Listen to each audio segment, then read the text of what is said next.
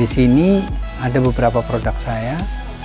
Uh, simple sebenarnya hanya hanya hasil dari tanaman saya sendiri padi atau beras yang saya kemas. Nah, di luar dari ini juga saya juga punya beberapa produk pupuk juga. Artinya bahwa kenapa saya menanam padi, saya juga kerjakan pengemasannya juga. Lalu saya juga produksi pupuk karena saya berpikir di budidaya itu petani butuh pupuk. Ketika saya produksi pupuk, saya bisa bikin pupuk sendiri, otomatis saya sudah mandiri pupuknya. Nah, di sini saya mencoba uh, membuat inovasi sederhana dengan membuat kemasan beras uh, berupa kem, uh, beras brick.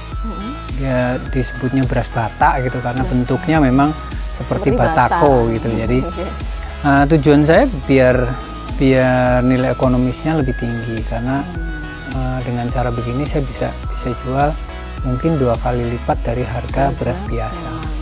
Ukuran kotaknya, ukuran cetakannya ini kita sesuaikan dengan uh, dimensi plastiknya. plastiknya. Di ukuran ketebalan 6 cm, lebar 10 cm dan uh, tingginya ini 18 cm. Selamat datang di panggung penyuluhan Siniar Penyuluh Pertanian Kebumen. Sahabat Tani, di samping saya sudah ada uh, beliau, kalau saya panggil Mas Aan, tapi mungkin nanti nama lengkapnya bisa uh, perkenalan sendiri. Oke sahabat Tani, langsung saja uh, selamat sore Mas Aan. Selamat sore. Ya, sahabat Tani, silahkan Mas Aan mau perkenalkan diri dulu. Baik, terima kasih. Uh, sahabat Tani semua, nama saya Aan saya biasa uh, dipanggil Aan Kamil. Saya petani dari Candi Wulan Kebumen. Cukup Mas Cukup. Oke, jadi Mas Aan ternyata nama lengkapnya siapa nih Mas? Aan Kamil. Aan Kamil gitu. Jadi dipanggilnya juga kadang Mas Aan, kadang Mas Aan Kamil gitu. Ya.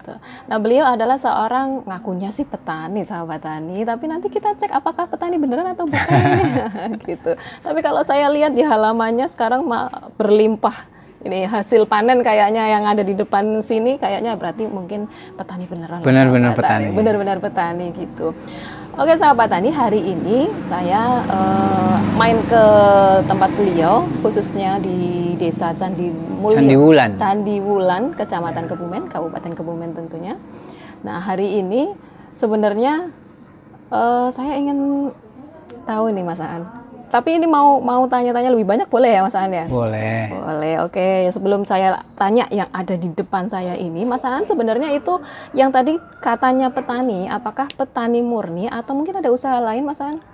Saya petani murni. Petani murni. Tapi saya juga berpikir bahwa petani itu kalau bicara petani di masa-masa sekarang ini hmm itu karena banyak sekali permasalahan-permasalahan terutama pada harga jualnya. Mm -hmm.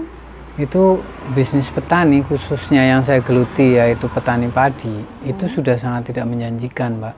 Mm. Uh, makanya di sini ada beberapa produk saya uh, simple sebenarnya hanya hanya hasil dari tanaman saya sendiri padi atau beras yang saya kemas.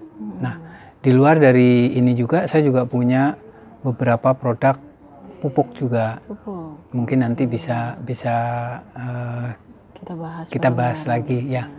Uh, artinya bahwa kenapa saya menanam padi, hmm. saya juga kerjakan pengemasannya juga. Hmm. Hmm. Lalu saya juga produksi pupuk karena saya berpikir di budidaya itu petani butuh pupuk. Mm -hmm. Ketika saya produksi pupuk, saya bisa bikin pupuk sendiri, otomatis saya sudah mandiri pupuknya. Mm -hmm. Yang uh, apa namanya? biaya operasional saya saya bisa hemat. Mm. Bisa saya tekan. Menekan nah, kemudian yang yang sering sekali dilupakan masih banyak sekali petani kita belum kerjakan adalah pasca panen. Pasca panen. Nah, di sini saya mencoba uh, membuat inovasi sederhana dengan membuat kemasan beras uh, berupa uh, beras brick.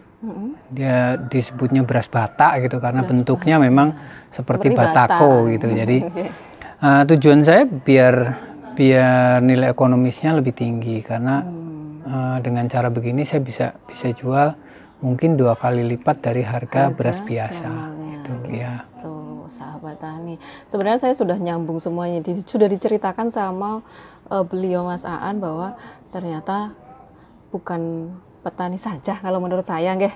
Bukan petani saja tetapi beliau petani yang uh, pikirannya itu maju kalau menurut saya. Karena beliau itu tidak hanya sebagai pelaku utamanya saja, tetapi juga di pelaku usahanya. Jadi yeah. uh, di uh, benar-benar agribisnis sih dari yeah. dari hulu sampai hilir ya mas. Dari gitu hulu ya. sampai hilir harus uh, dikerjakan. Nah sebelum saya tanyakan tentang yang ada di depan kami ini, ya tadi yang disebut masaan sebagai beras bata. Ya beras bata. Oh beras bata atau beras brick gitu ya.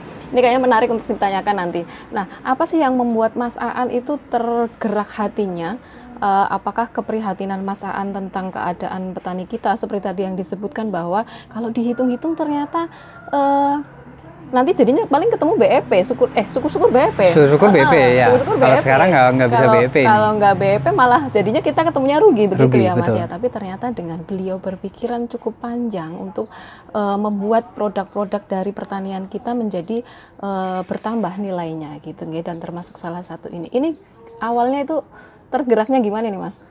Nah awalnya begini sebenarnya yang saya rasakan itu, yang saya alami itu mungkin sama juga yang uh, seperti yang dirasakan oleh uh, teman-teman petani hmm. di di Kebumen di mana saja, hmm.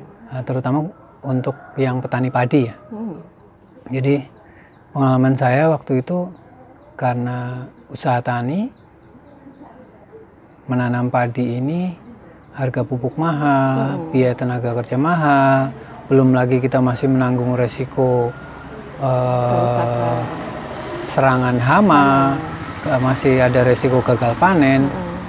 Sedangkan kalau kita dengan hasil yang bagus saja, ketika kita menghadapi harga yang jatuh, hmm. terutama pada musim-musim panen raya ini, ini sudah nggak bisa BEP, mbak. Tetap Seperti ya, nggak bisa sudah. BEP. Hmm. Nah, kemudian saya berpikir, bagaimana caranya ini bisa mempunyai nilai ekonomis yang lebih, lebih tinggi. tinggi. Nah, selain itu juga dulu awalnya saya itu tanam tanam padi itu seluas 2 hektar, Mbak. Mm -hmm. Awal awalnya 2 hektar, tapi yang saya kerjakan itu karena memang memang tanah titipan atau tanah warisan dari dari mbah, dari orang tua.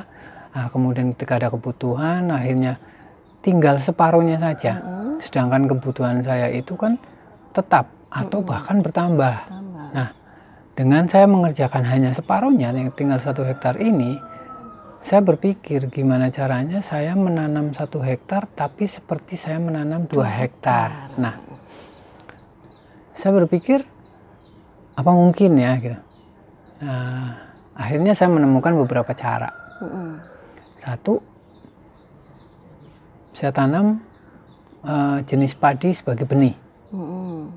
Jadi saya tanam padi misalnya hanya sebatas cuma ciherang misalnya, mm-hmm. sebagai contoh saja ciherang tapi yang label putih, mm-hmm. yang pada akhirnya nanti bisa saya jual dengan harga dua kali lipat, bahkan mungkin bisa sampai lima kali lipatnya. Mm. Nah, untuk beras-beras jenis padi tertentu, padi hitam itu bisa lima kali lipat kali dari harga gabah biasa. Gabahnya. Nah, ini saya sudah ada satu solusi. Nah, kemudian mm -hmm.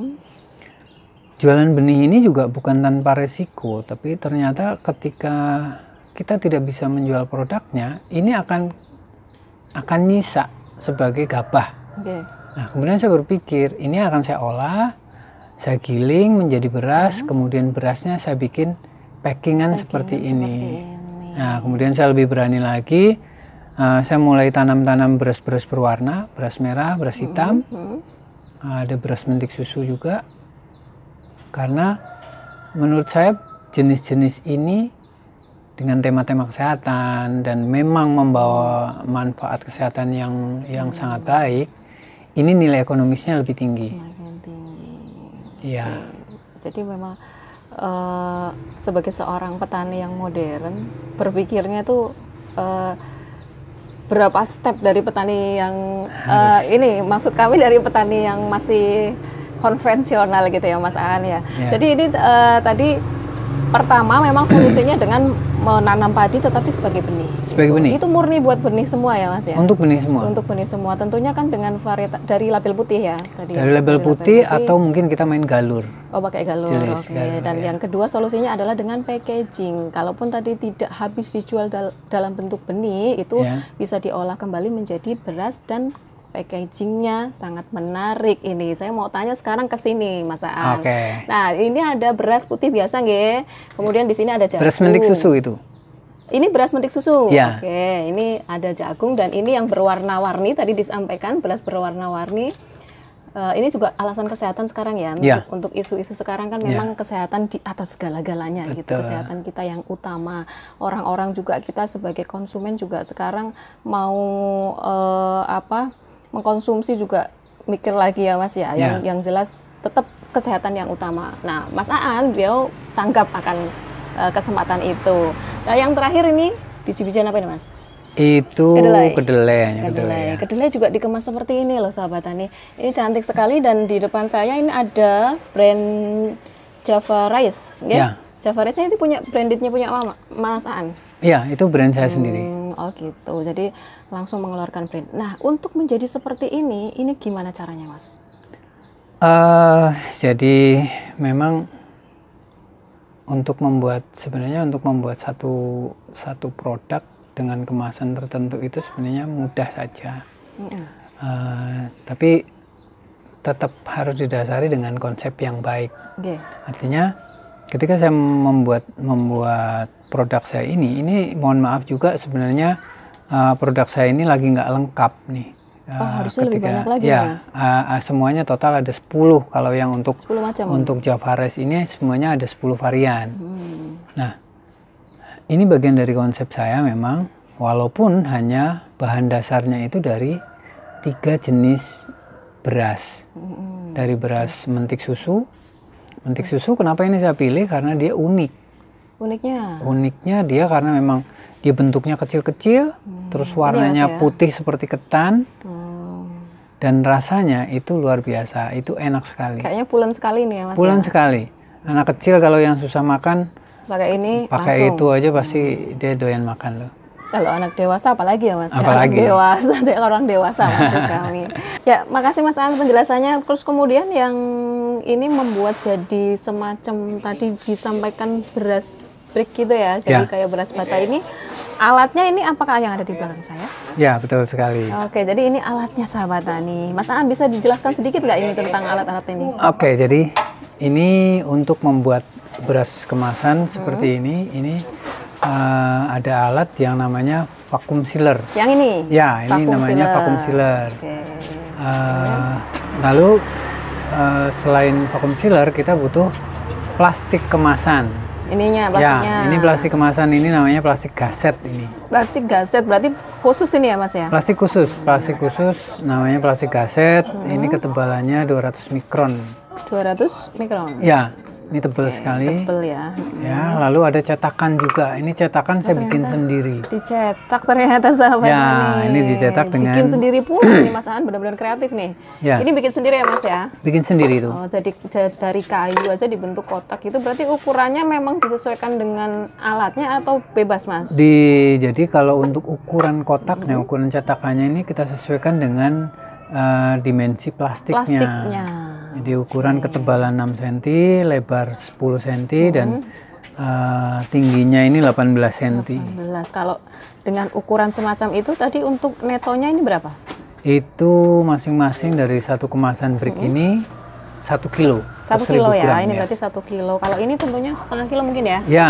Kalau yang kedelai ini setengah kilo. Ini sebenarnya berarti. untuk untuk brand lain dari brand saya itu hmm. uh, untuk untuk uh, selain Javares ya, jadi saya mau rilis satu brand baru. Waduh, ada lagi nih. Apa nih mas? Ah, Dr. Grains. jadi oh, seperti yang ada di ya, kayaknya nih. Ini Dr. Grains sahabat. Dr. Grains. Jadi